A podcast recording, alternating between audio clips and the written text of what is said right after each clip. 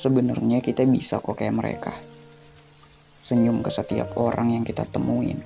Ketawa saat lagi bareng sama teman-teman.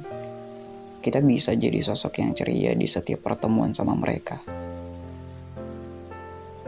Tapi kita ngerasa kayak nggak seharusnya kita terus pura-pura kan.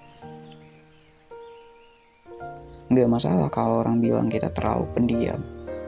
Orang bilang buat apa sih capek mikirin hal yang berat-berat.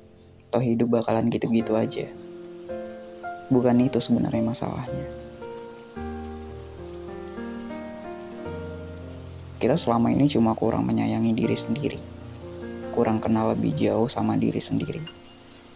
Karena ada kalanya kita emang harus sendiri ya.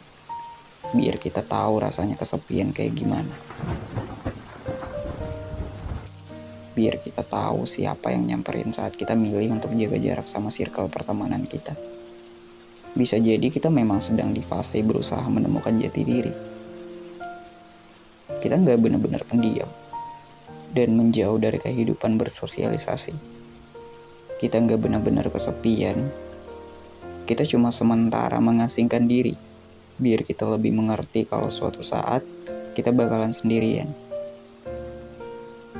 yang kita sebut temen, mereka nanti akan sibuk dengan diri mereka masing-masing. Punya mimpi yang harus mereka wujudkan. Ya seenggaknya kita belajar untuk sendirian. Biar nggak takut lagi sama sepi.